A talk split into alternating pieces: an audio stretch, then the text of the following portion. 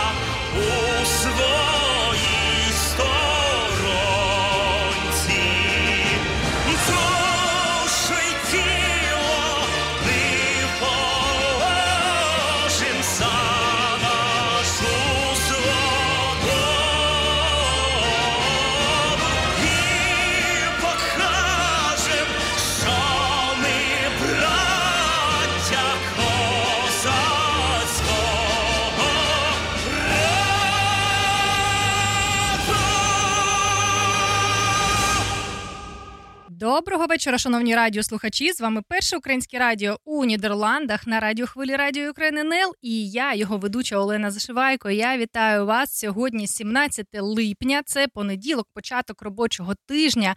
І як завжди, кожного етеру ми нагадуємо світу про те, що війна в Україні триває. Давайте згадаємо кожного українця, хто поклав своє життя за свободу, незалежність та суверенітет України. Давайте вшануємо кожного, хто боронить нашу країну у цій війні наступною піснею. Я бачив сталь і як падає небо. Я бачив те, чого нікому не треба. Я бачив болю на десять життів. Мамо, молись за своїх синів. Віра гріє серце і палке бажання жити. Ми ступаємо в світанок новий. Завтра нас немає, але добре пам'ятаємо, що тримає на цій землі. Сонце за спиною, і брати, що хочуть жити кожен день, виборюєм шанс. Ми ж такі молоді, нам би ще по землі, а не по траншеям гулять. Я бачив сталь, і як падає небо. Я бачив те, чого нікому не треба. Я бачив болю на десять життів. Мама молись за своїх синів. Я бачив страх у очах навпроти. Я добре вивчив свого ворога профіль. Я бачив болю на десять життів. Мама молись за душі своїх синів. Молись, молись. Йдемо на схід і тут ніхто вже не питає, коли нас побачить сім'я. Стоїмо на смерті, захищаємо кожен метр, наша земля свята. Серце стало сталю, нас ніхто вже не впізнає, ми забули минуле життя. Вічна слава тим, хто захищає дім, і кого вже з нами нема. Я бачив сталь, і як падає небо. Я бачив те, чого нікому не треба. Я бачив болю на десять життів.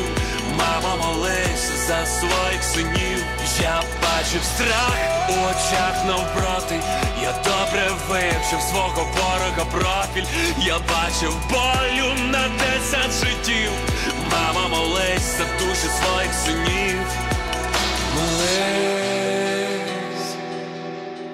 мама молись. Я бачив болю на десять життів. Мама, молись! Я бачив сталь і як падає небо. Я бачив те, чого нікому не треба. Я бачив болю на десять життів. Мама, молись за своїх синів. Я бачив страх у очах навпроти. Я добре вивчив свого ворога профіль. Я бачив болю на десять життів. Мама, молись за душі своїх синів. Молись.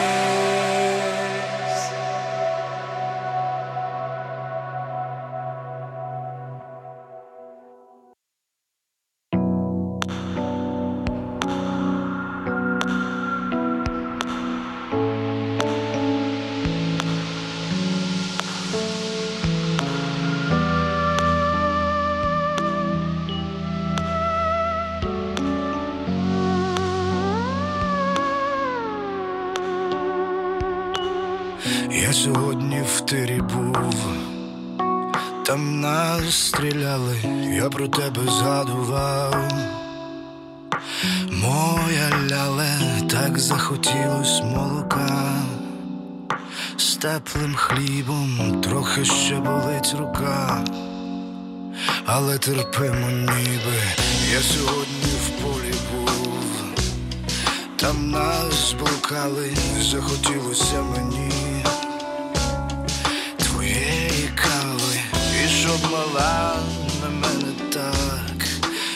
криком татку, дай мені, мені мою шоколадку. Найби вже прийшла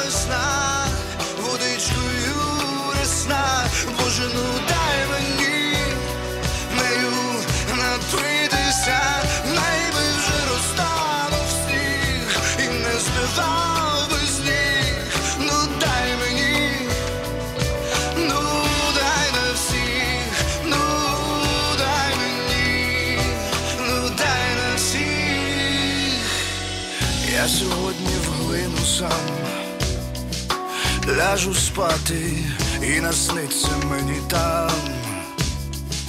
Моя мати, я її так обійму, сильно і ніжно, я колись любив зиму, а тепер занадто сніжно, а тепер занадто все, всього є забагато, і подумалось мені. А як там тату, я би татка пригорнув, скурив би з ним цигарку, Тату би мені наляв гіркої чарку. Найби вже прийшла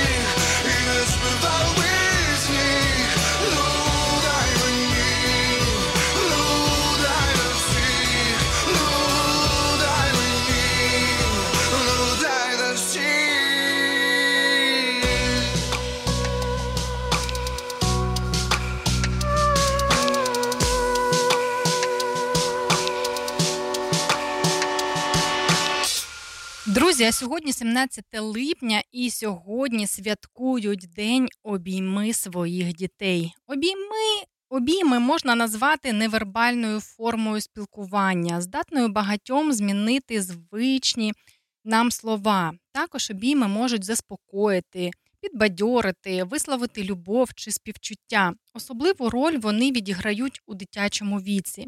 На думку психологів, обійми сприяють гармонійному розвитку особистості, захищають від хвороб.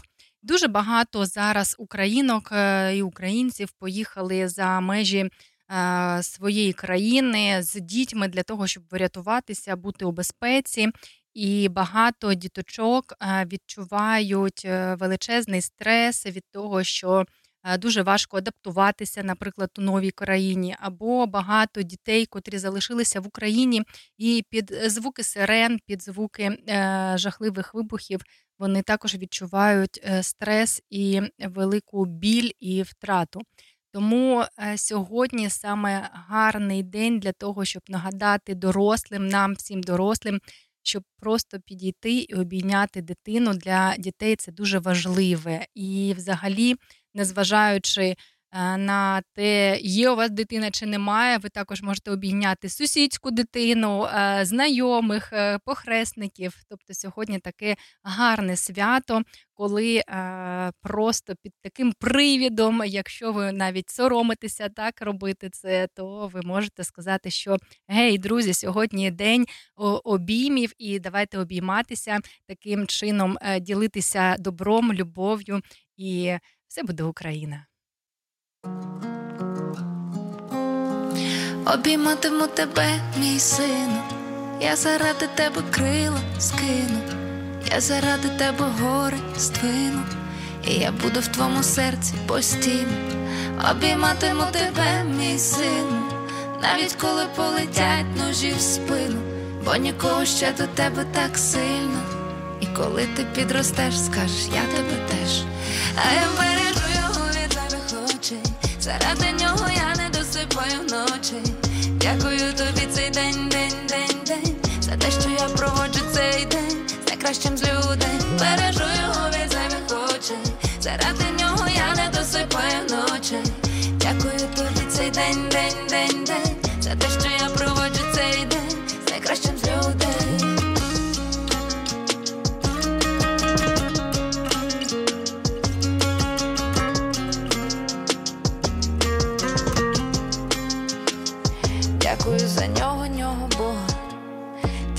за пройдені дороги. Дякую за те, що всі тривоги залишились там за рогом, мені вони ні до чого. Дякую за долені відстані, дякую за ночі невиспані, дякую за те, що у очах свого сина побачила істину. А я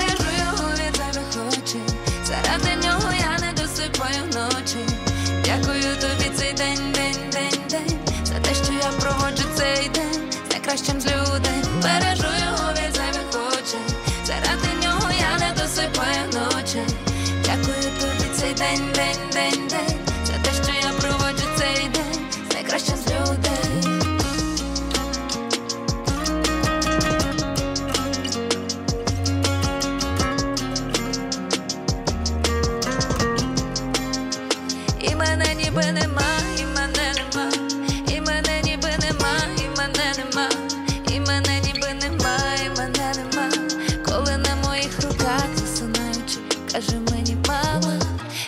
мене нема, і мене ніби нема, і мене нема, і мене ніби нема, і мене нема, коли на моїх руках засинаючи, каже мені мама, які зараз думки в дітей. Мабуть, же як у дорослих людей, чи згадують вони про дитячий садок, де був їх перший крок, чи сумують за пустою партою, та що знизу і жуйкою зм'ятою. Всім нам усвідомити складно, що є насправді в їхніх думках назавжди думки дітей, щоб мама посміхалася, було своє ліжко, де в руках моя книжка,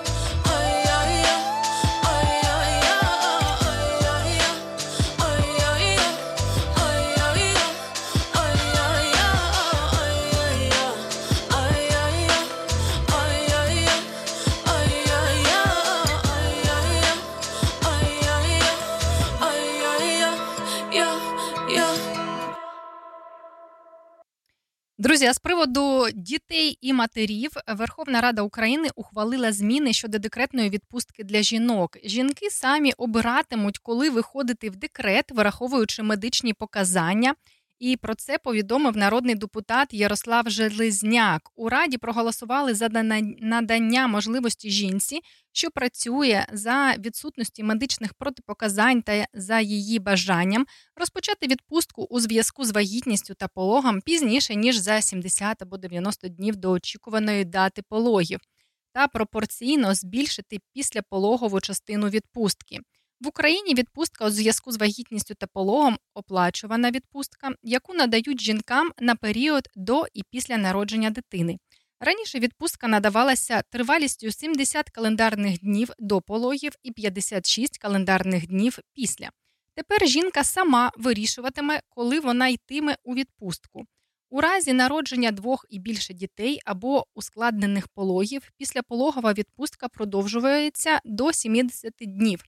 Тривалість відпустки обчислюють сумарно і вона становить 126 календарних днів або 140 календарних днів у разі народження двох і більше дітей та у разі ускладнених пологів. От такі от новини для матерів, для майбутніх матерів і для їхніх малесеньких діточок.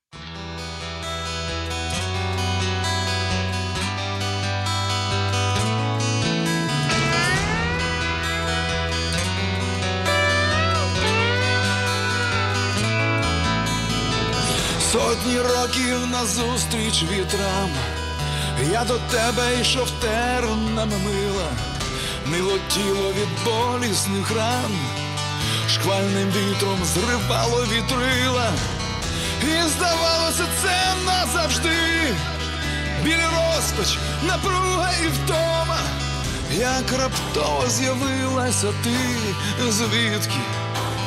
Богу одному відомо. В пустелі джерельна вода, ти мій вітер попутний південний, я нікому тебе не віддам, ні на грішній землі, ні на грішній землі. Ні в Едемі.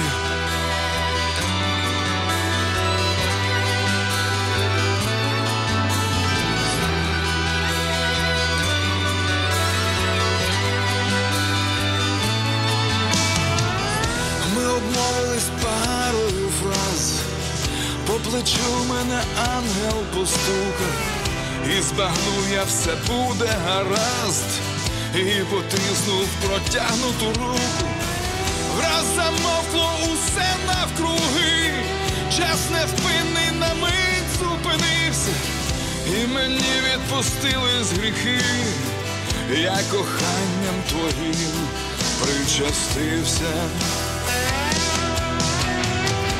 Ти в пустелі джерельна вода, ти мій вітер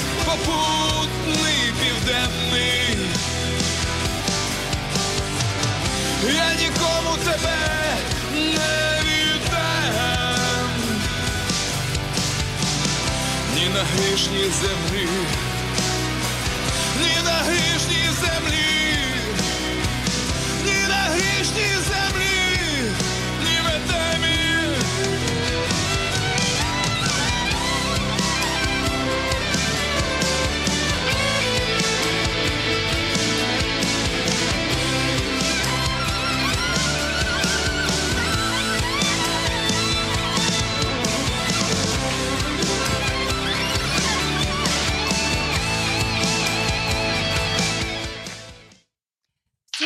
Ми знову в етері. Сьогодні з нами на зв'язку Світлана Тарасова, українка, яка зараз проживає у Німеччині. Привіт, доброго вечора. Я тебе вітаю. Привіт, привіт, доброго вечора. Дуже рада, що змогла потрапити до вас на ефір. Так, е, я, звісно, перший раз, е, і тому е, хотілося б, щоб ви допомогли мені. Про що вам було б найцікавіше почути? Про те, як я е, тут опинилася, чи саме про життя в Німеччині, чим воно відрізняється від життя в Україні. Так. І, так, ну тоді почнемо з того, що я вже знаходжусь тут вже майже а, півтора року. А, ми з моїм сином, якому на сьогоднішній день 12 років, а, коли почалися бойові дії, да, війна в Україні, виїхали а, до Німеччини. На- той момент ми не знали, коли ми їдемо, так трапилося, що ми опинилися з ним у Німеччині. І а, перше, що мене здивувало, а, коли ми попали в цю країну, про те, які насправді дуже доброзичливі, дуже чуйні, дуже а, інтелігентні люди тут проживають. Саме я кажу саме про німців, тому що є різні да, випадки. Е, Німеччина дуже багатонаціональна. Я зараз знаходжусь у найвеликому місці. Це у Берліні, да, це столиця Німеччини. І тут насамперед дуже дуже багато різних національностей. Ну, ти можеш зустріти абсолютно, мені здається, з любого кінця всесвіту тут якусь там на- ем, Як у. Амстердамі, напевно, так? У нас тут теж Ой, дуже багато. не знаю, ще на жаль, ще до вас бо жарко. А ще до Амстердаму я не добралася, але сподіваюся, що в скорим в скорій році я приїду. Е, що мене тут дуже вражає, це закони. Е, Вони є дуже смішні, але всі на- настільки послідовні. Перше моє враження було про Німеччину, що це зовсім непослідовна країна. Але коли я почала занурюватися в неї, коли я почала вивчати її історію, коли я почала вивчати мову цієї країни, коли я почала спілкуватися саме багато з е, німцями, я зрозуміла те, що вона дуже дуже логічна. І мені вже здається, що Хто Мені не любить вже... Німеччину, той просто її погано знає. Так, я зовсім з цим згодна, тому що в мене є знайома, яка мені каже, я ніколи не приїду, от мені в Німеччині зовсім, зовсім. Я їй кажу, якщо б ти була тут як турист, тобі показували одну Німеччину. Якщо ти проживаєш тут, тобі показую іншою. Але да, є свої особливості. Е, Німеччина дуже бюрократична країна, і ви не, не повірите, до того я дуже довго звикала е, перевіряти два-три рази в день поштову скриньку. Тобто тут до сих пір надсилають е, листи, і їх так багато. У нас є да, тут вже така е, жарт такий між нами, що е, вже треба окрему кімнату. У мене є там кладовка, да, її вже робити саме тільки для паперів. Вони все на кожен папер от повинен бути папер. А є таке нам назва. У нас спочатку почали жартувати. На кожен термін повинен бути термін, щоб був термін на термін. І Так, щоб мені на здається, цей термін Нідерландах дуже схожа історія, тому що дійсно е, всі, е, вся комунікація йде через е, листування, через електронну пошту, або тобі постійно приходять паперові листи просто у скриньку. Да, ну тут більше навіть приходить все ж таки в скриньку, ніж паперо, ніж електронні листи. Це ну, на жаль дуже рідко. І я і вони настільки вони економічні, і мене це дивувало. Чого ну вони так е, сміття тут сортують, да? і здавалось, е, що нелогічно стільки витрачати бумаги, да, яку там але все логічно. Зараз щось щось трапилось зі звуком. Я пропоную давай послухати музику, а ми з тобою продовжимо е, після музичної паузи, бо мені тут е, другі е, другі канали дзвонять. Давай перейдемо на музичну паузу і повернемося, окей? Липи на дворі, липне до спини, сонечко пече, що ти хочеш ще дзвонить телефон на розбитому склі Бачу я ім'я, Господи, прости, я тебе забув, чуєш мене, чуєш, я тебе забув, більше не дзвони, я тебе забув, чуєш мене, чуєш, я тебе забув, більше не дзвони.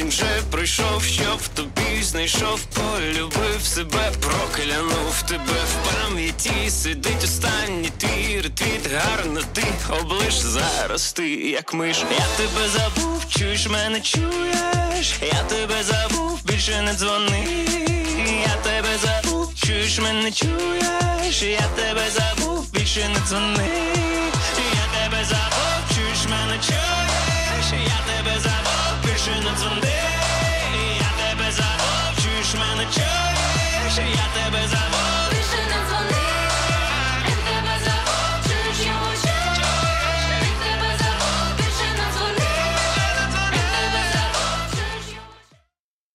І ми знову на зв'язку. З нами Світлана Тарасова. Світланочка, я вже тут.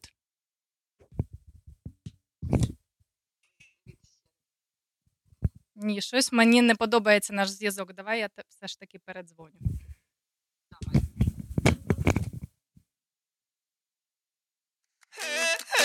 А ось тут е, повинно було бути соло на тромбоні, але зараз він в Польщі.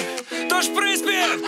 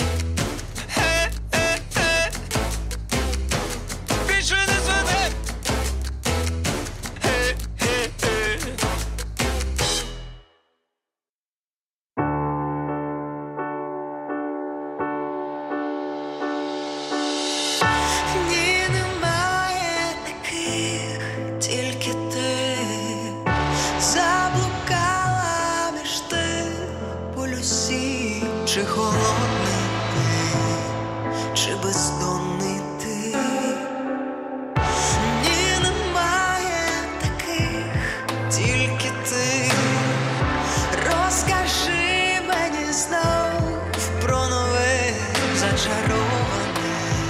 Ще раз всім привіт. Так, ще раз привіт, е, тому що бувають інколи бувають такі е, технічні неполадки, але ми їх швидесенько прибираємо.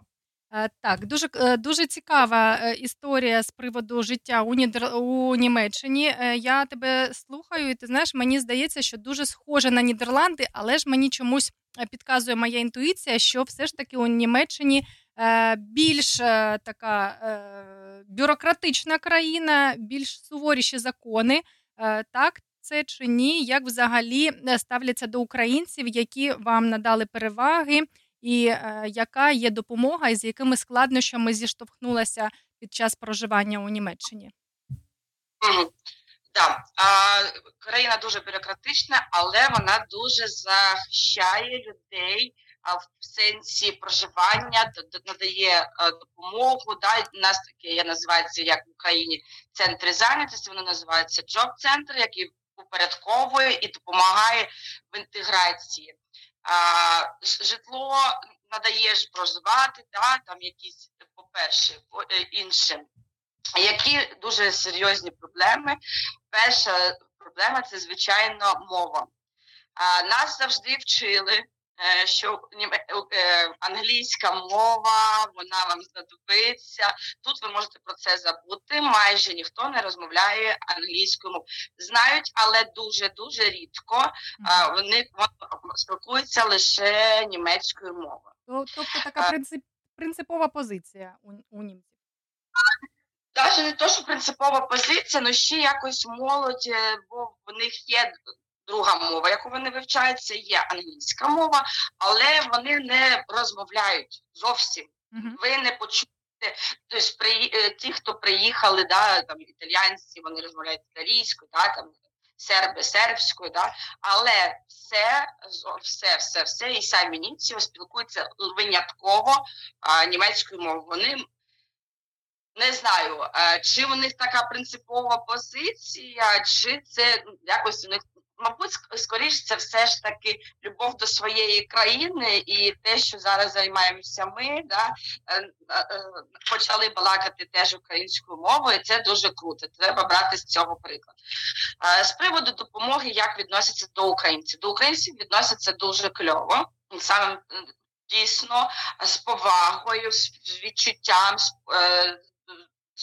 хоч, хочуть допомогти всім, чим можна. Вони перші дні, коли тільки дізналися, що українців у нас приїхало дуже багато. Зараз е, по- десь там що тільки у самому Берліні біля 100 тисяч біженців за, за час війни а, в Україні приїхало, да, і вони всім допомагають, збирають кошти, а, збирають допомогу, а, вплоть до всього, що тобі необхідно, почали організовувати, роздавати свої речі, да, тобто, ну, там килими, все. підкажи, будь ласка, от, наприклад, у Нідерландах українцям да, е, при отриманні BSN номера, типу нашого у, ідентифікаційного номера, людина має право піти працевлаштуватися на роботу. Як це відбувається у Німеччині?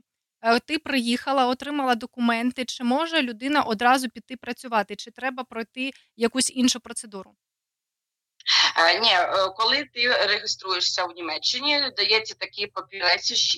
Це було ще навіть до того, як я отримала ВМЖ, да, які мені там вклеїли у паспорт мій закордонний, а, де чітко сказано, що ця, цей паперчик дає вам можливість працевлаштуватися на території Німеччини, ну тут таке є а, на землі, так як у нас в Україні області, тут є там земля Берлін, земля там Браденбург, земля там.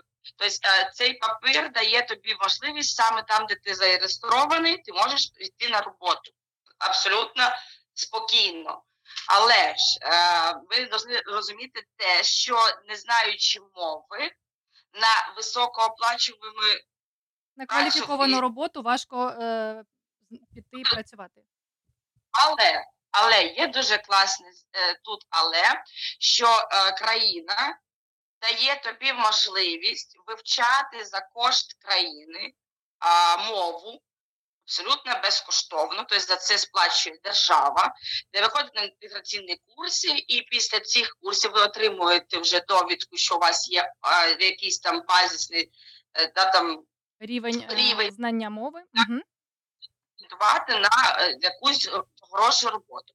І ще саме класне, що е, дуже відрізняє від України, що тут дуже дуже поважають працю руками.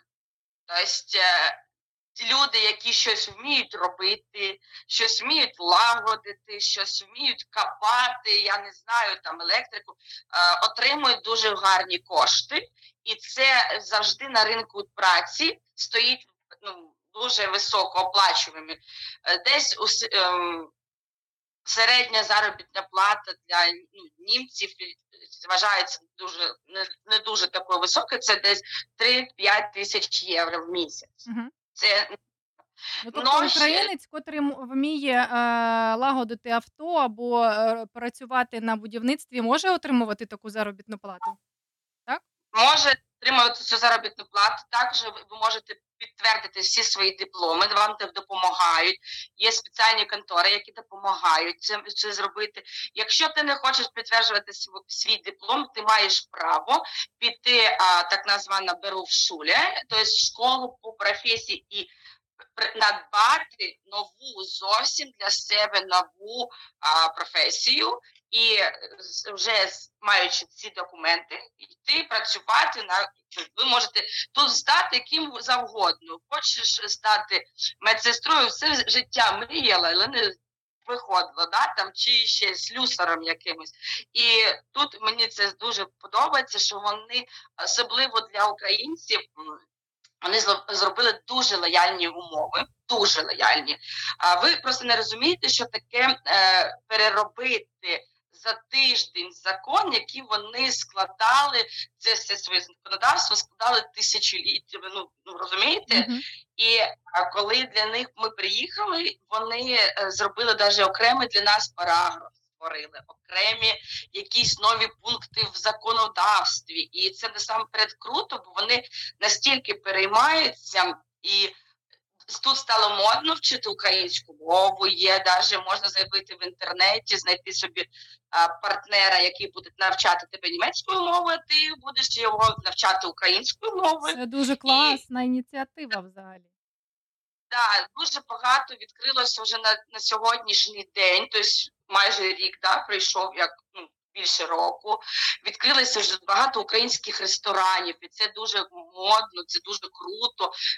Вони їм дуже подобається наша їжа, бо. ем, Чесно кажучи, до німецької їжі це нам, мабуть, знаєте, ще один ефір, де треба довго розповідати, як я звикала до німецької їжі. Насам насправді вона відрізняється від нашої і відрізняється е, не способом приготування, але взагалі для нас перше время, перший час дуже було неприйнятно, неприйнятно мені, як це можна було е, це все їсти. А, нещодавно в мене трапилась така а, ситуація, де я їхала в автобусі, до мене підсіла, а, а вони ж дуже вічливі. Я хотіла сказати, що тут, що б ти не зробив, тобі завжди скажуть дякую, будь ласка, дякую, будь ласка. І це щиро.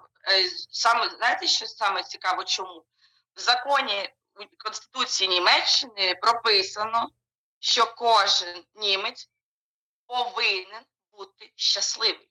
Це на конституційному основі на Тобто йдеш такий Щоб- по вулиці, такий, ти щасливий, а він злякався, так, так, я щасливий, бо в мене в Конституції це, це прописано. Тут нема такого. Вони завжди посміхаються, завжди привітні. Ну я маю на увазі зараз за- повертаємося про, про німців, саме німці. Мгм. Ми не беремо останніх людей, які там приїжджають, да? а саме німці, вони ви ніколи не побачите е, в магазині, щоб вам хтось нахамив. Ніколи так. Ну, ну Тобто культура як- спілкування дуже на високому рівні. Це е, радує. тебе ж чи ти штовхнув, у тебе перепрошують. Тобто, ну буває да, такий момент, коли там візком чи чимось може зачепити людину, але в тебе просять пробачення, що він там стояв. Ну, вибачте мене, будь ласка. Ну тобто, це звичайно було дивно. Ну є дуже багато смішних і безглуздих, е, ну як для нас безглуздих законів. А, такі, наприклад. ем, як про шмелів, осу, бджолу. А, Це що? Не можна вбивати зовсім не осу, не шмеля, тобто. І штраф починається від 5 до 5, 50 тисяч євро. Якщо вбив шмеля або осу? Ага. О, суд так. так. А, тобто у них це дуже е, є такі е, дуже дотепні такі закони, як, наприклад, в твоєму автівка не має права бути пустим, пустим баком. На законному законодавстві, тому що е, в Німеччині дуже багато автобанів, і якщо де не обмежується швидкість, да, дуже велика швидкість, і якщо не, не дай Бог, да, в тебе скінчився там, там пальне скінчилось, то це буде дуже небезпечно для інших і для тебе самого. Тому є такий закон, що твій бак повинен бути завжди повний. Мгм. А, ще саме цікаве, що а, в Німеччині кожна земля, тобто як наша область, я вже казала, у них є своє законодавство. Тобто, ем, коли ти хочеш Як поїхати, самоуправління в Україні, е, ми до цього також вже приходимо. Прийшли, приходимо, йдемо. Крок, крок за кроком йдемо. апарат є апарат, да, який там щось ем, регулює, але в кожній, в кожній області, в кожній землі є зовсім свої там ем, якісь закони, які нам не зрозумілі іншими. Наприклад, в одному з містечок в Німеччині є такий закон, який не дозволяє їм ходити з е, парасольками тільки не пісочного біжого цвіту. 15 тисяч євро штраф ти можеш заплатити за те, що ти там з червоною або з чорною парасолькою йдеш. Ну, тобто, ну, це все дуже виняткові, але є такі. І е, що, що мене більше всього вразив такий закон, за який ви можете отримати до 5 років ув'язнення. Це якщо у вас є нацистські якісь оклики, е, десь ви щось сказали, щось стосується е, нацизму, фашизму чи щось такого. Якщо ви це вимовили десь на людях, вас можуть ув'язнити до 5 років. Тобто Ось це- викоріняють вони. е, Ну, це може і правильно, я так підтримую. Е, Трошки можете не зрозуміло, в чому, сенс. А вони, розуміючи, що дуже багато років назад сталося те- що сталося, да, як до німців е, відносилися, і вони вирішили повністю це скорінити. У них навіть, щоб розуміли, в Берліні стоїть пам'ятник Холокосту, да, це коли євреїв, да, там, ну, не будемо вдаватися в цю історію, але я мала на увазі, що вони настільки винесли урок, що так не можна робити, і коли зараз це трапилось в нашій країні, чому вони так і захищають нас, так і відносяться до нас, тому що вони знають, як це жахливо, і як вони 80 років е, намагаються змити себе це, і вони не можуть зрозуміти, як у 21 столітті ви знову могло таке трапитися, коли люди вже досвідчені, мають гаджети, мають інтернет і можуть, хто не знав, навіть прочитати про те, що сталося, що трапилося, як чим це погано Ну, я думаю, що не І вони тільки німці не можуть цього зрозуміти, а взагалі весь світ не може зрозуміти. Ну, е, умом Росію не понять, як то кажуть. Е, окей, а Світлана, розкажи, будь ласка, е, про німецькі закони ми зрозуміли. З якими складнощами стикалася ще крім е, мовного бар'єру? Що ще було і е, як подолала ці складнощі? Ну, складнощі, я можу сказати, що таких, щоб якесь щось дуже складне, я не можу згадати. Це було просто це незвично. Е, ну, я вже казала, що про папери треба було е, дуже до цього звикати, що треба стояти. А труднощі були, були те, що ми, українці, дуже активні і любимо, щоб все було швидко. Так? Мгм. Прибіг кудись. Ми завжди кудись біжимо. Тобто, да, ми там п'ять робот маємо, а, там семеро дітей, і починається цей. Тут е, треба було звикати, і це було дуже важко звикати, все робити дуже повільно. Мгм. А, в них є святе, якщо у людини обід, їй, ну, чесно, все одно, вона У неї буде- обід і приходьте там через годину, так? А то, що там породілля народжує, то взагалі нікого не калише. Ну, ні, ну про, е, про Це я так шуткую. Ні, ну в мене е, зараз знайома народжувала, то теж дуже хороші отзиви від німецької медицини. А потім дуже е, довго я звикала, але ну для мене це не є проблемою. Звикала слухати це, що всі дуже ем, не, не, до- недорозуміють, як правильно сказати, німецьку медицину. Вона відрізняється від нашої, тому що але я як особисто для мене вважаю, що це дуже правильний підхід, який вони обрали. Ми привикли, що в Україні ти приходиш, тобі сразу антибіотики, тобі сразу таблетки, тобі сразу.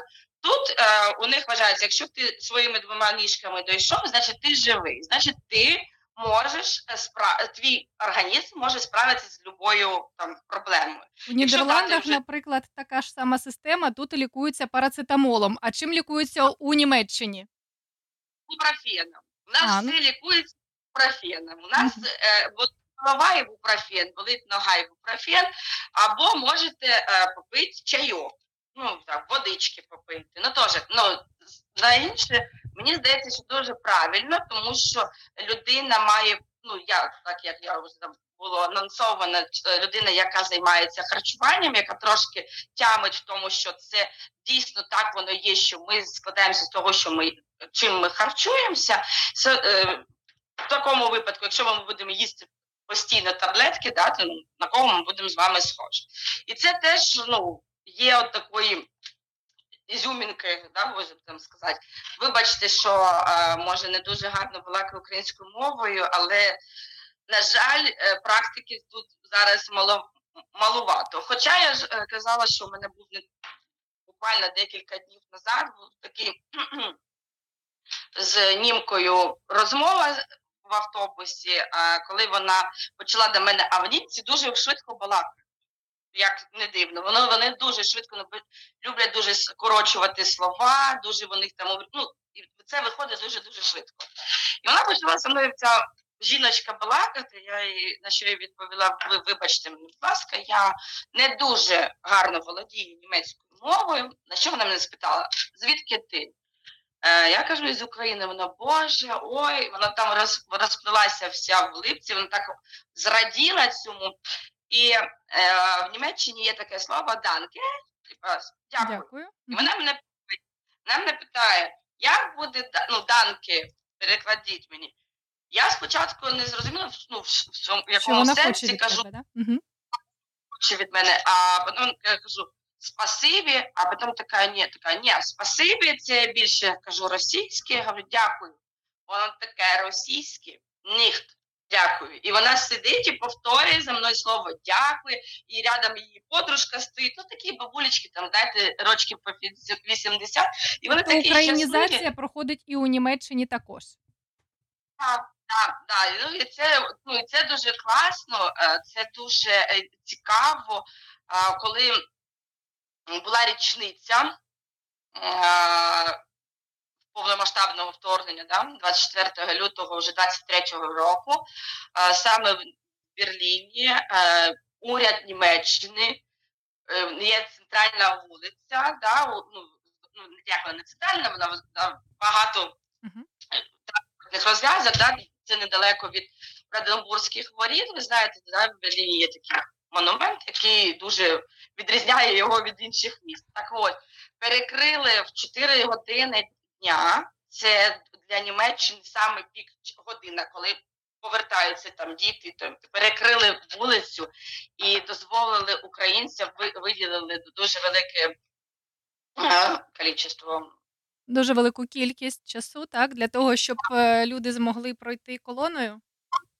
да, охорони, щоб ми пройшли маршом, лунали українські пісні, найвеличезніші е, прапори е, були, да, і це якісь там гасла. І, е, на жаль, недалечко якраз біля Бранденбурзьких воріт знаходиться е, е, Російської Федерації Посольство. Так. Угу. Просто, да, і ми якраз там зупинилися, стояли, і німці всі проходили. І знаєте, що саме було цікаве? Поряд зі мною йшли англійці і італійці, і вони викрикували українською мовою ці якісь там гасла. Розуміли вони, не розуміли вони. Це було неважливо. Була важлива підтримка. Поляки йшли поряд з нами з цими прапорами, кричали, ну, славнозвісну фразу, да? ну її всі, мабуть, на всіх язиках уже всього світу знають, як це звучить, да? е, куди йому треба йти і хто він є насправді. І тому це було так дивно, але так було близько. Ви знаєте, я зараз згадую про це і накочуються сльози за те, що як від, від відносяться да, до нас з повагою. От дійсно з повагою. І кожен раз, коли ти а, промовляєш, що я із України, ти не кажеш так, я з України, знаєте, так, щоб ніхто не почув. А це промовляється дуже гордо. А, та, Сталь, бачите, Супер, супер футболка. Да. Ледочки, спасибо за Від футболочку. першого українського радіо у Нідерландах, до речі. Да, да, да. Я, я сьогодні е, е, це зробила навмисно.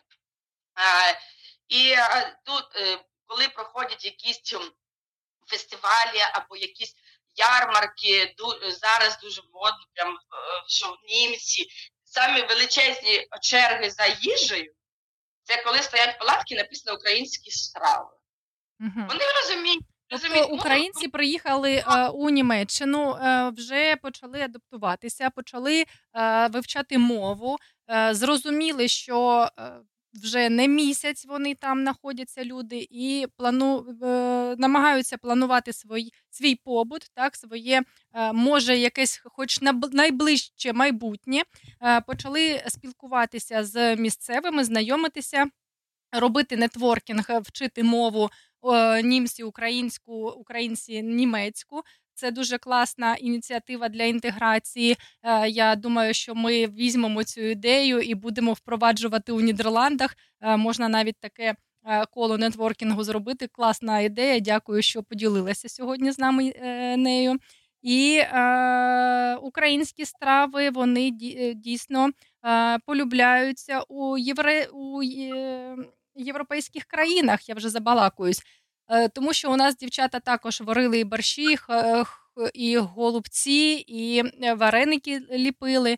Люди е, спочатку так з здивуванням їх обережно беруть, а потім, коли е, розпробують, то хочуть ще і ще. Е, Так, дійсно е, підтверджую, що в Європі е, не були зви, е, звичні, е, господи, не, були е, в кожному дні ці продукти харчування. Так, а коли приїхали українці, то ось нам нате вам українська культура, українська кухня, українські традиції, е, вишиванки. Дівчата ходять в таких гарних вишиванках. Я зараз дивлюся флешмоби, як е, європейці реагують на дівчат у вишиванках у цих платтях гарних. Ну це просто крут, круть крутезна. Е, класно, що ти приймаєш активну участь у е, мітингах, також е, поширюєш українську культуру, українську мову, спілкуєшся, розповідаєш історію України. Це дуже важливо, тому що ми е, кожного, не кожного етеро постійно повторюємо про те, що кожен українець, котрий поїхав зі своєї країни і зараз знаходиться під тимчасовим прихистком, є амбасадором України, і наша поведінка вона буде показувати ставлення не до нас особисто, а до нашої країни і до українців взагалом, в цілому. Е, по, по нашим діям будуть судити не тільки нас як людину, а нашу країну і нашу націю. Тому треба про це пам'ятати і е, бути е, найкращим е, екземпляром українського народу в Європі. Абсолютно згодна, Леночка, з тобою, тому що так, а, по нам будуть робити висновки, і, на жаль, на жаль, дуже погано, дуже видно. Тому я теж е, згодна з тобою, що ми повинні, це наша зараз місія, да, там деякі задають питання, а, чим ви можете допомогти Україні, знаходячись далеко від своєї рідної батьківщини. А, По-перше, те, що ми можемо е, спокійно нести в маси і казати правду про те, що тут трапилося, да? тому що ви знаєте, що замилені очі у багатьох, і у багатьох навіть тут е, нині живущих е, тих же е, російськомовних, да, вони е, завдяки тим, що я вам можу сказати, що в мене з'явилась тут, тут подруга, одна із гарних моїх подруг, да, яка сама по національності вона росіянка, але вона всією душею підтримує і а, було якось з нею розмова, як ми познайомились. У мене було браслетик е, Монатіка да, з концерту. І вона така: ой, класно! І я йду на Монатіка, я повертаюся, на що я кажу, говорю, а ти знаєш, що це український народний артист? Вона так. А ти знаєш, що е, донати йдуть на українська? Так. Ну, тобто Тому вона я йду- підтримує, так. Тому я йду ще зі своєю тіткою, зі своїми друзями, які теж з Росії, і вони купляють ці білети, і вони йдуть. Ну, це круто, насамперед, що така повага. І навіть вона вже за цей рік, що ми з нею спілкуємося, вже починає розуміти українську мову. І це дуже дуже класно. Тобто українізується також. Е, Людина взяла на себе відповідальність вчити українську мову, підтримувати Україну, і взагалі в неї є своя позиція і своє бачення е, до всього, що відбувається, до війни е, в Україні. І завдяки їй про це дізнаються її знайомі, які знаходяться там, і яких да, вони багато чого не чують, не бачать. І це теж дуже круто, що така є змога в нас да, спілкуватися з різними людьми, показувати себе тільки з кращої сторони. І а, о, якраз бачите, е, доєдналися а, мої друзі, які ми, ми вчимося на інтеграційних курсах. Привіт, Януся. Всім привіт, хто приєднується. І також ми е, бачили, що наша географія е, нашого нетворкінгу вона зростає. Сьогодні нас бачать і дивляться люди з е, Бразилії. Е, Ми передаємо вітання всім, е, хто нас дивиться по всьому світові, тому що наше радіо, воно хоч і називається, що воно перше українське у Нідерландах, але нас можна дивитися з будь-якої точки світу, е, з будь-якої країни, передавати вітання. Також у нас вже запущена лінія, телефонна лінія. Можна телефонувати на WhatsApp до нашої студії, передавати вітання своїм близьким людям, е, друзям, е, родичам. Тож розширюємо, розвиваємося заради наших слухачів. І е, Світлан, я тобі хочу сказати, дуже класна е, тема, дуже класна ідея. Дуже цікаво мені пізнавати, як все ж таки українці проживають у Німеччині, у інших країнах, тому що е, все одно, незважаючи на те, що це Європейський Союз, але в кожній країні є свої нюанси, свої правила, відмінності. І наш час етеру дуже швидко приходить до закінчення. Він дуже шв- швидкоплинний. І е, я хочу з тобою домовитися, що ми обов'язково проведемо ще наступні ефіри, і ти розповіш, е, розповіси для наших слухачів корисну інформацію з приводу харчування. От давай, наприклад, сьогодні е, скажи хоча б один лайфхак, такий, що треба робити кожного дня, щоб відчувати себе краще. З приводу харчування. По-перше, лайфхак складається з того, що а, кожного дня для того, щоб виглядати краще і відчувати себе найкраще, перше, твої повинні твої думки е, спрямовані бути тільки в позитивному руслі, це саме найголовніше. А друге, це завжди багато рухатися, це дуже важливо, дуже. І е, зараз, як ніколи, е, дуже висока температура стоїть, і завжди треба пити дуже багато води. І я буду дуже рада, е, дуже рада, якщо до наступного ефіру, якщо е, ми виберемо з тобою час, коли це буде, е, підготуйте декілька питань, щоб ну бо. Знаєте, я про це можу казати годинами насамперед. Ну бо я це дуже люблю. Мені це подобається. Зараз да, в мене я хотіла би поділитися своєю історією, як змінилася саме я у Німеччині, і що призвело в мене, тому що зараз я починаю знову працювати над собою. Хоча я да, дуже багато знаю і дипломи, і все. Но із того, що я переживала, да, і ця їжа, яка тут, е, це призвело в мене тому, що знаючи, як робити, знаєте, це коли мені кажуть, я все знаю, але нічого, це такий. Те ж саме було зі мною зараз. Я знову починаю працювати над собою, тому що зараз я трошки ем, спокоїлась, да, як трошки схаменулася. І а, я можу розповісти свою історію, чому я набрала знову зайву вагу, і як я з нею збираюся зараз поводитися, що я буду для цього робити, і кому цікаво, ми можемо е, да, там з цим працювати разом, і, бо разом завжди веселіше і дуже класні результати. Да, тому що я це вже від наблюдала про те, що людина сама не може справитися. І це круто, коли є однодумці, які допоможуть тобі це зробити. Тому а, це така маленька ремарочка да, до наступного ефіру. Я думаю, що я підготую декілька цікавих ну, фактів, так постараюсь коротенько. Бо насамперед, вибачте, що сьогодні так все сумбурно, бо це для мене новий опит. І дякую тобі, Олено, за цей опит. Це цікаво для мене було. Я Мгм. щоб і можливо я переска... Я зараз знаєте про прослухав себе, думаю, боже, перескакувала з одного на друге. Хочеться дуже Тому що багато дуже сказати. багато є тем, котрі хочеться розповісти, а часу не дуже багато, і хочеться поговорити про все. Я тебе дуже класно розумію. І е, не переймайся, ми обов'язково домовимося про наступний ефір. І як завжди, кожного разу, коли ми запрошуємо гостей до нашої студії, після інтерв'ю е, я прошу побажати щось для українців від себе. А, ну, єдине, що я хочу, це звичайно, а, все в нас є у всіх одна мрія.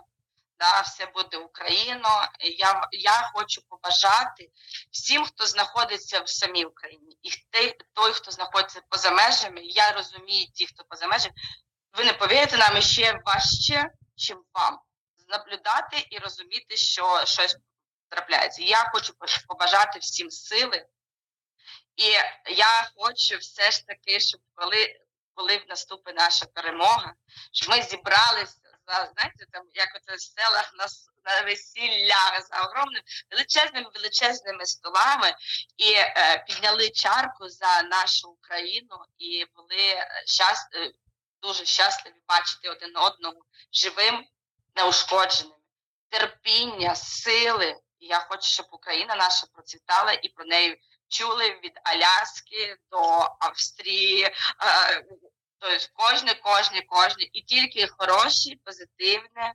мислення. Я бажаю мислити позитивно і бути щасливими. Клас. Дякую, Світлан, тобі сьогодні за інтерв'ю. Дякую за етер. Е, Бажаю тобі гарного вечора і гарного тижня. Е, Будемо з тобою на зв'язку. Обіймаю. Всього гарного. Все. Бувай. Дякую, до побачення. Хіба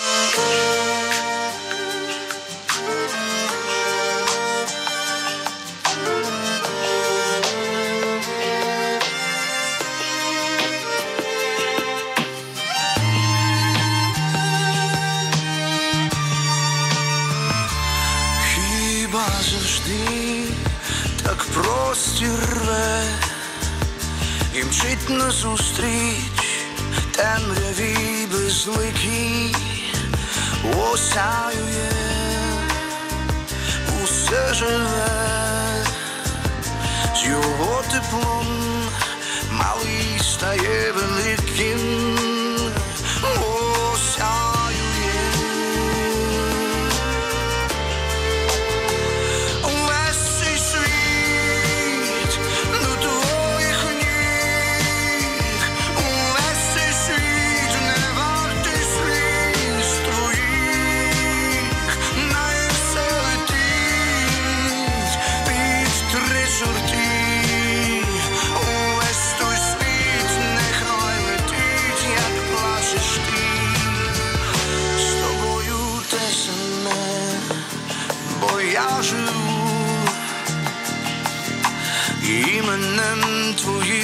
палають наші зорі,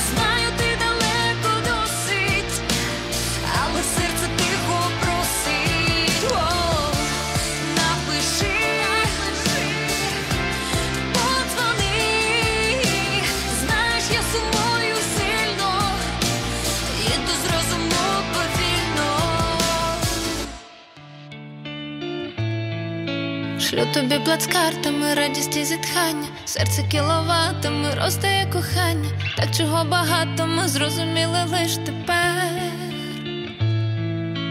десь понад Карпатами, в безкінечнім небі, я лечу крилатими думками до тебе, очі вже заплакані, і стиска поміж ребер.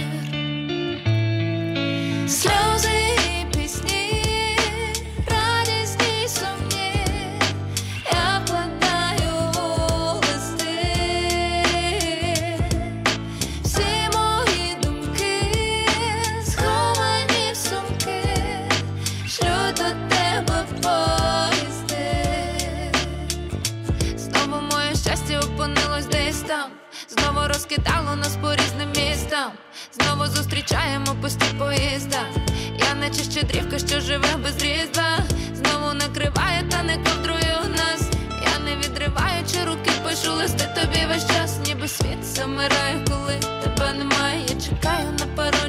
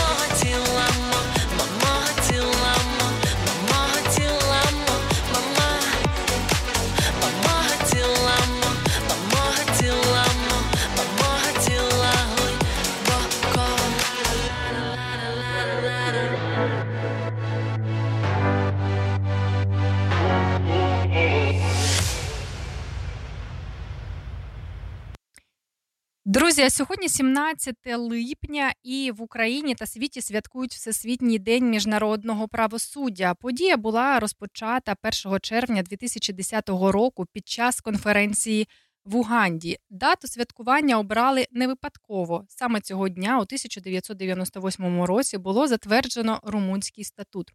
Наразі учасниками статуту є близько 150 країн.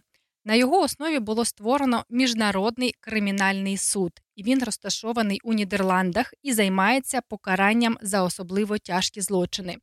І так само ми знаємо, що Нідерланди підтримують Україну, і у Газі вже розпочато розслідування усіх злочинів Росії проти України, і ми впевнені, що всі будуть покарані по заслугах. Знаєш, ти знову мене покохаєш, як тоді, коли ми жили і не рахували дні. Зараз нам всім точно не до жартів. Під звуки арти коло хати, нас буде довго колихати, і ніби це не час любити і співати, і спокій не дарує чай з м'яти, та гори аркушів зім'яти, пісень не почутих, відео не знятих, в той час, коли у них кивали п'яти, а ми продовжуємо стояти. І розквітали жовті мальви під блакитним небом серед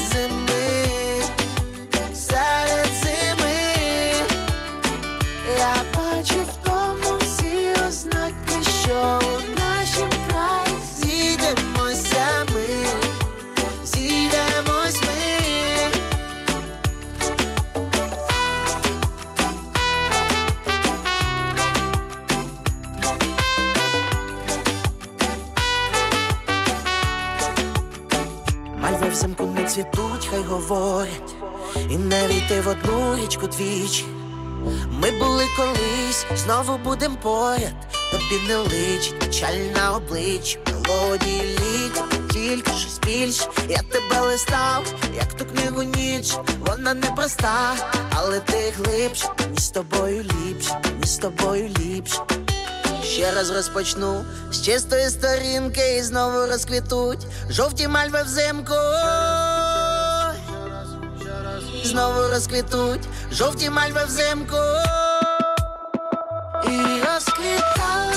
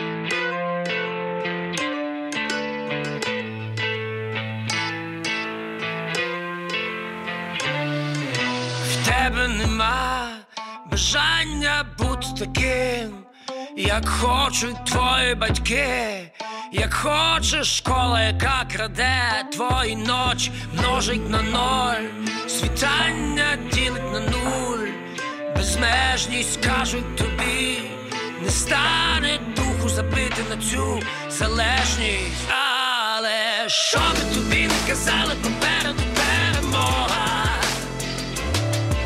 Що би тобі не кричали, шукали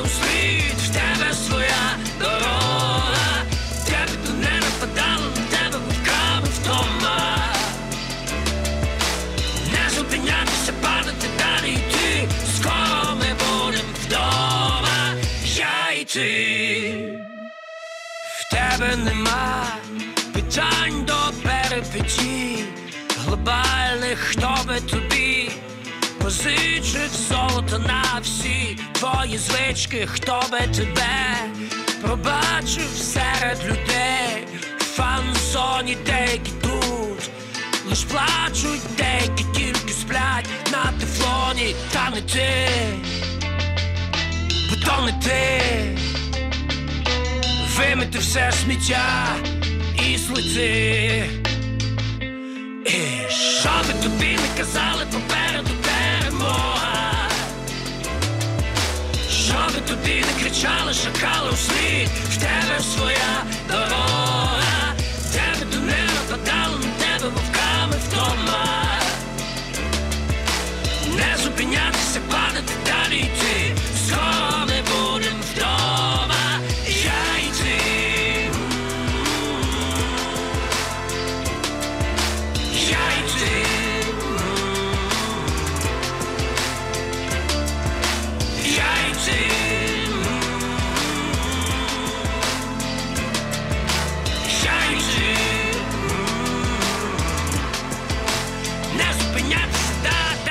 нарешті, хто плювали би у спене, то похвалить тільки пене, хто папіру крутить стеме, тим, хто проти тебе стане, і по факту беззупино, будь то фокус на частини, тебе зменшить на третину, тільки тене, не квітись надалі, не переменити вам. Душу мою, як не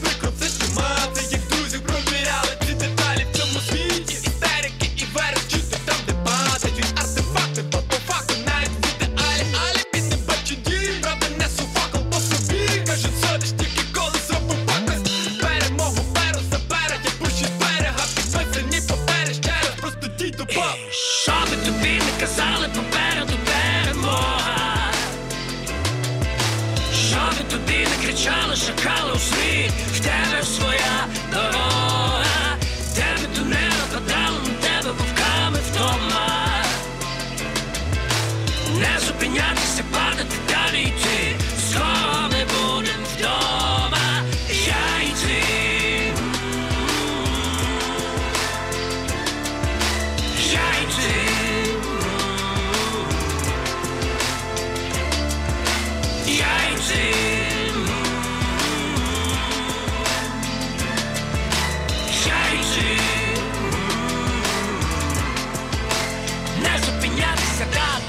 হচ্ছে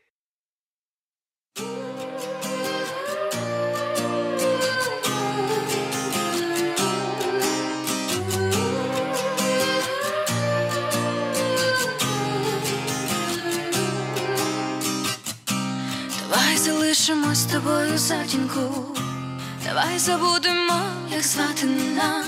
Якщо випускати альбом, то тільки платину, якщо кохати кожною клітиночкою атомом ти мі мі мі мі мі мі мі мі тільки твій голос лунає, наче з так чисто відверто і до мураша ти фарисо назавжди, бо лише з тобою бадаю ти.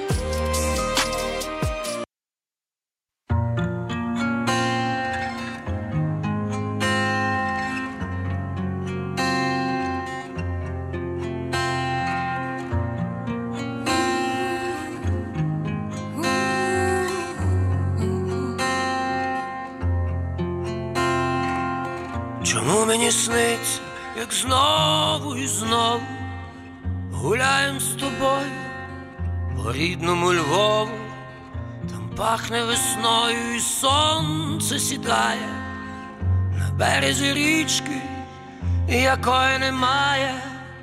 І дивляться леви на тебе ласкаво, і варять бажання із запахом кави, і вільно на розі між пеклом і раєм. У Львові так просто своє не вмирає.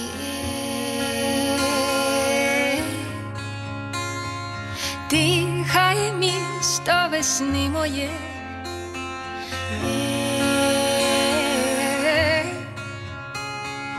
Місто весни моє. Бентежне століття завоює рани. Ще до повноліття тут всі ветерани. Наповнене світлом минуле прощає. Чомусь тут ніколи не хочеться чаю, не хочеться снігу, не хочеться слави. Нехай дістається церквам з хорувами. Ми просто з тобою вдвох погуляємо на березі річки, якої немає.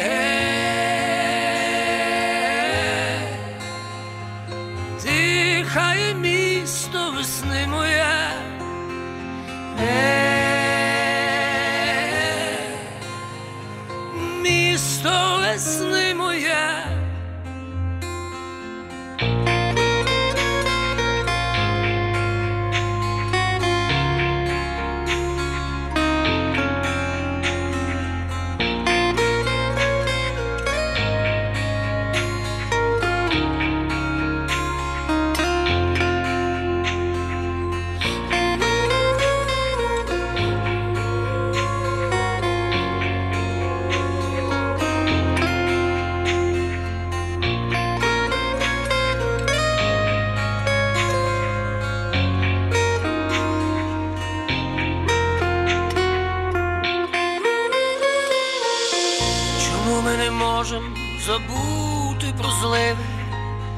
Мабуть, для героїв ми надто вразливі, стіни і леви нам не дозволяють розвіяти попіл, якому ніяк не згасають ті сни, у яких я і знову, і знову гуляю з тобою по рідному Львову.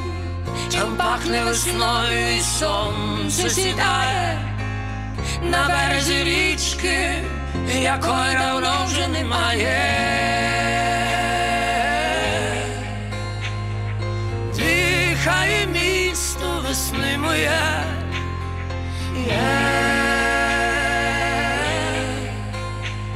Місто весни моє. Є. Дихає місто весни моя.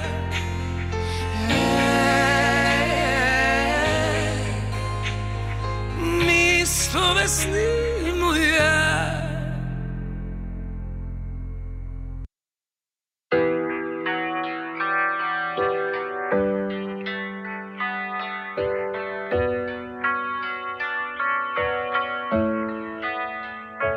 Ну скажи то, як ти там, як ти там, чи не згадуєш по ночам?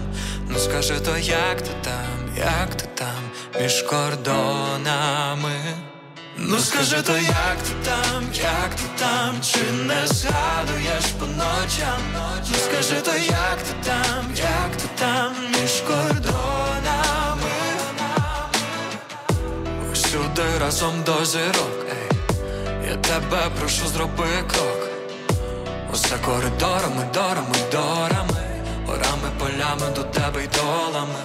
Хоч нам зараз не до казок, ей, але не тисни на курок.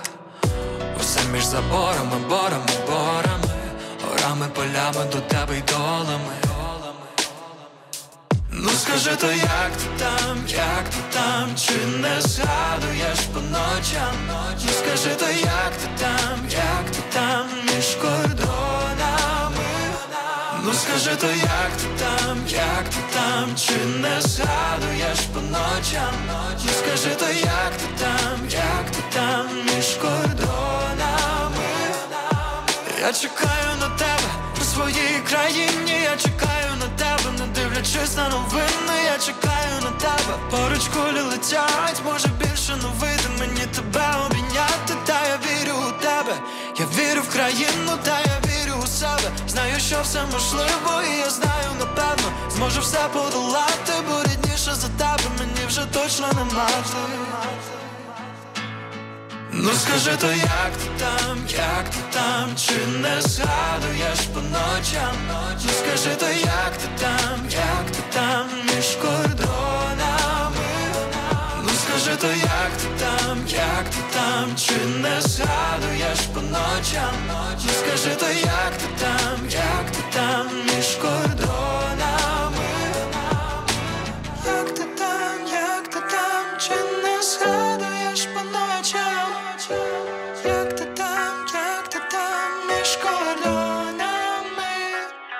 Скажи то, як ти там, як ти там, чи не згадуєш по ночам? Ну скажи то, як ти там, як ти там, між кордонами?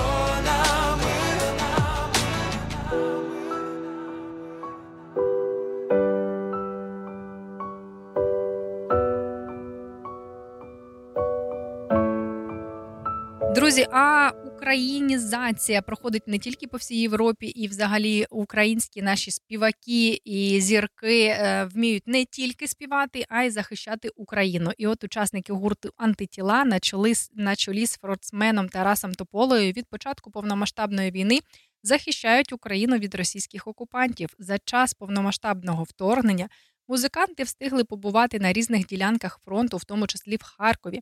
За свої заслуги перед містом та за його оборону від окупантів учасники гурту антитіла отримали почесні нагороди від мера міста Ігора Терехова. Е, Так, е, нагрудними знаками нагородили Тараса Тополю, клавішник Сергій Вусик та гітарист Дмитро Жогуть. Музиканти поділилися фото та нагородами у своєму інстаграм. Тому, якщо вам цікаво, заходьте, е, подивіться, ставте свої вподобайки. Не забувайте про наш інстаграм, тому що ми працюємо також для вас, щоб вам було цікаво. Е, Публікуємо корисну інформацію. Заходьте, підписуйтеся, ставте вподобайки, пишіть, е, до речі, ваші питання, що вас цікавить.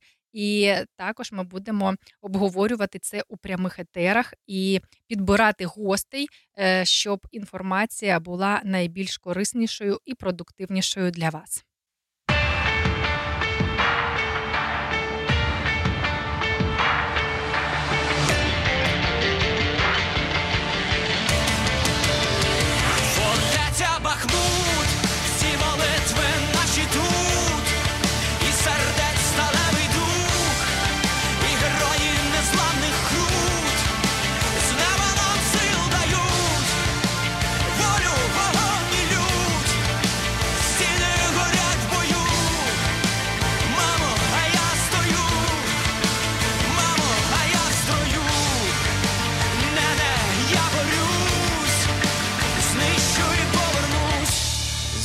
Буде база, вимикаєм біль, старі образи.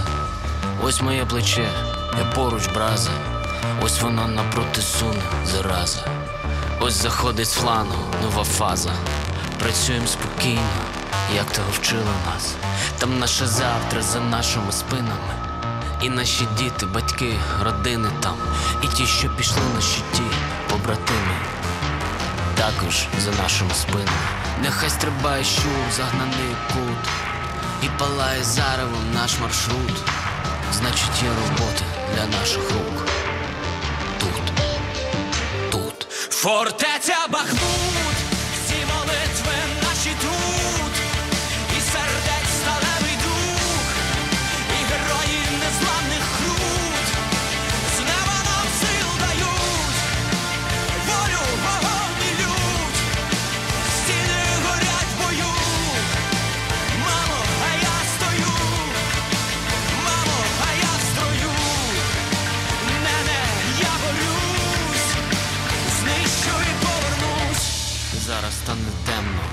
паде в агонії кривавий демон.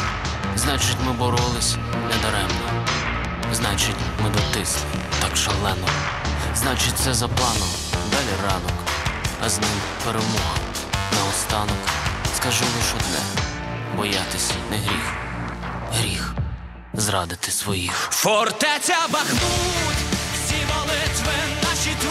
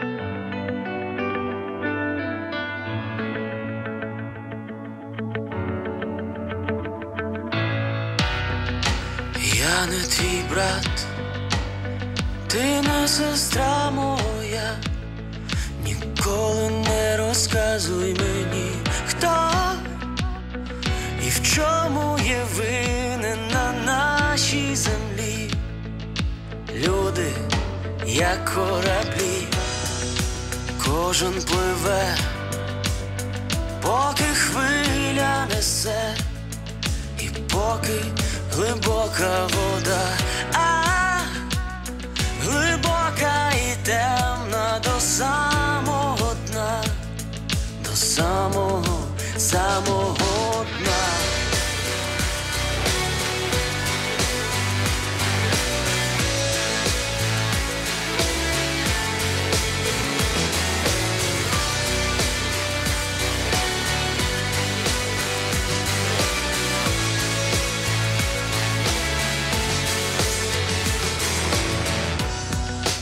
на глибині. Зустрічаються всі, так ніби в морі місця нема, а, і труться бортами, аж стогне земля. Від зависті, підлості зла, хтось не доплив, бо йому помогли. Набрати повні трюми.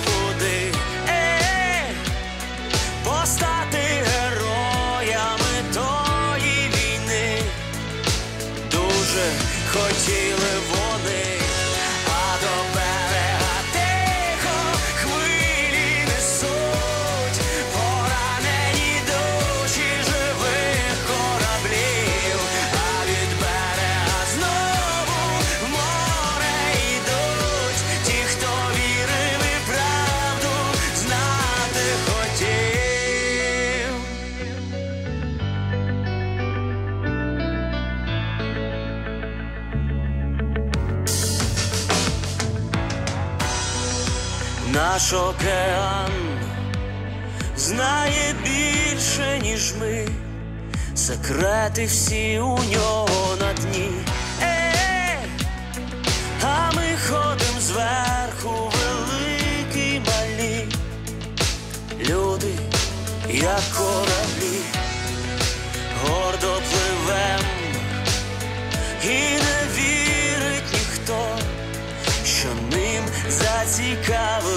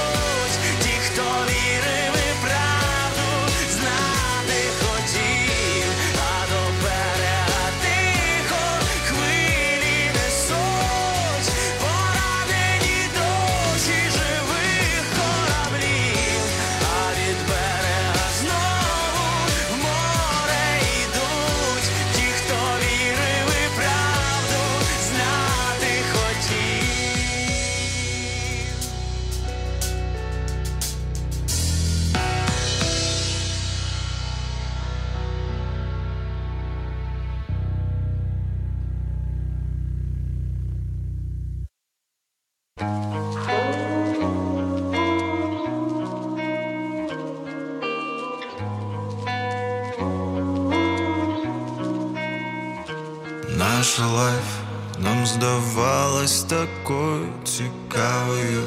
Згадай мене ранком за чашкою кави.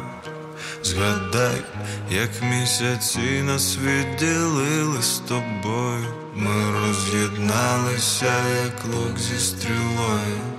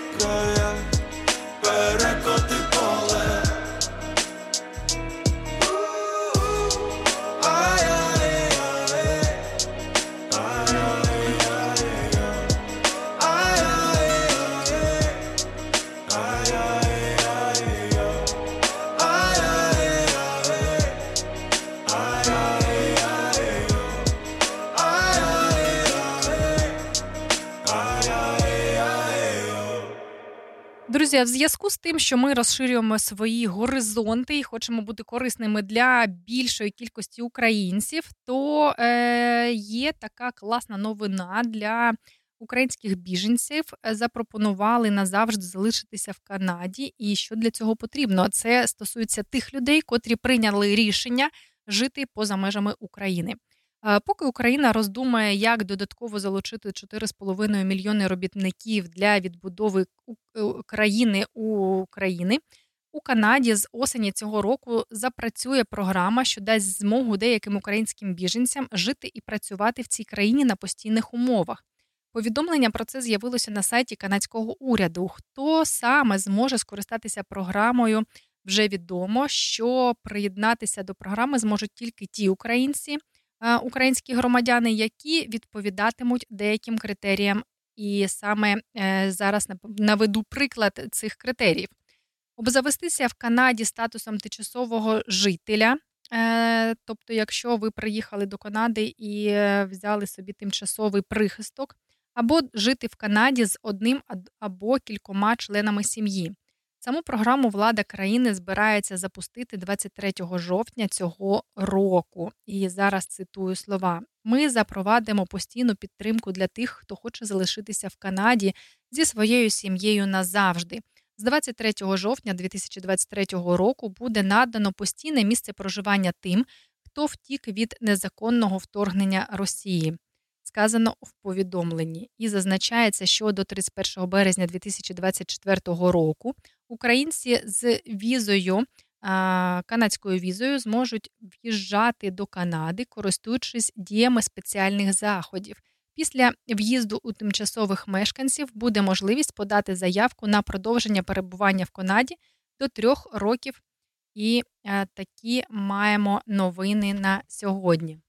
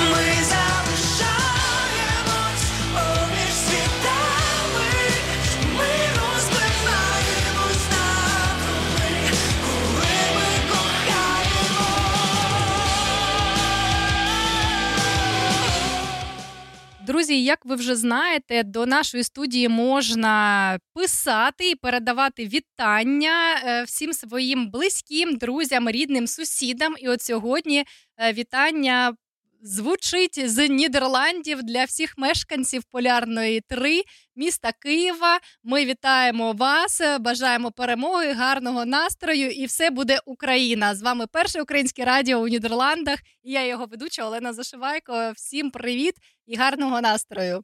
І я хочу сказати, що час етеру нашого вже закінчується. Е, я дякую кожному, хто приходить слухати е, наші етери, наше радіо. Е, приходьте також у наступні етери. Ми будемо робити свою роботу для вас і заради вас. Пишіть свої побажання у наш телеграм-канал і інстаграм, і обов'язково зустрінемося і поспілкуємося на дуже важливі теми. А з вами була я, Олена Зашивайко. Це перше українське радіо у Нідерландах. Бажаю вам успіху і нагадую, що сьогодні ми ще на один день ближче до перемоги. Слава Україні!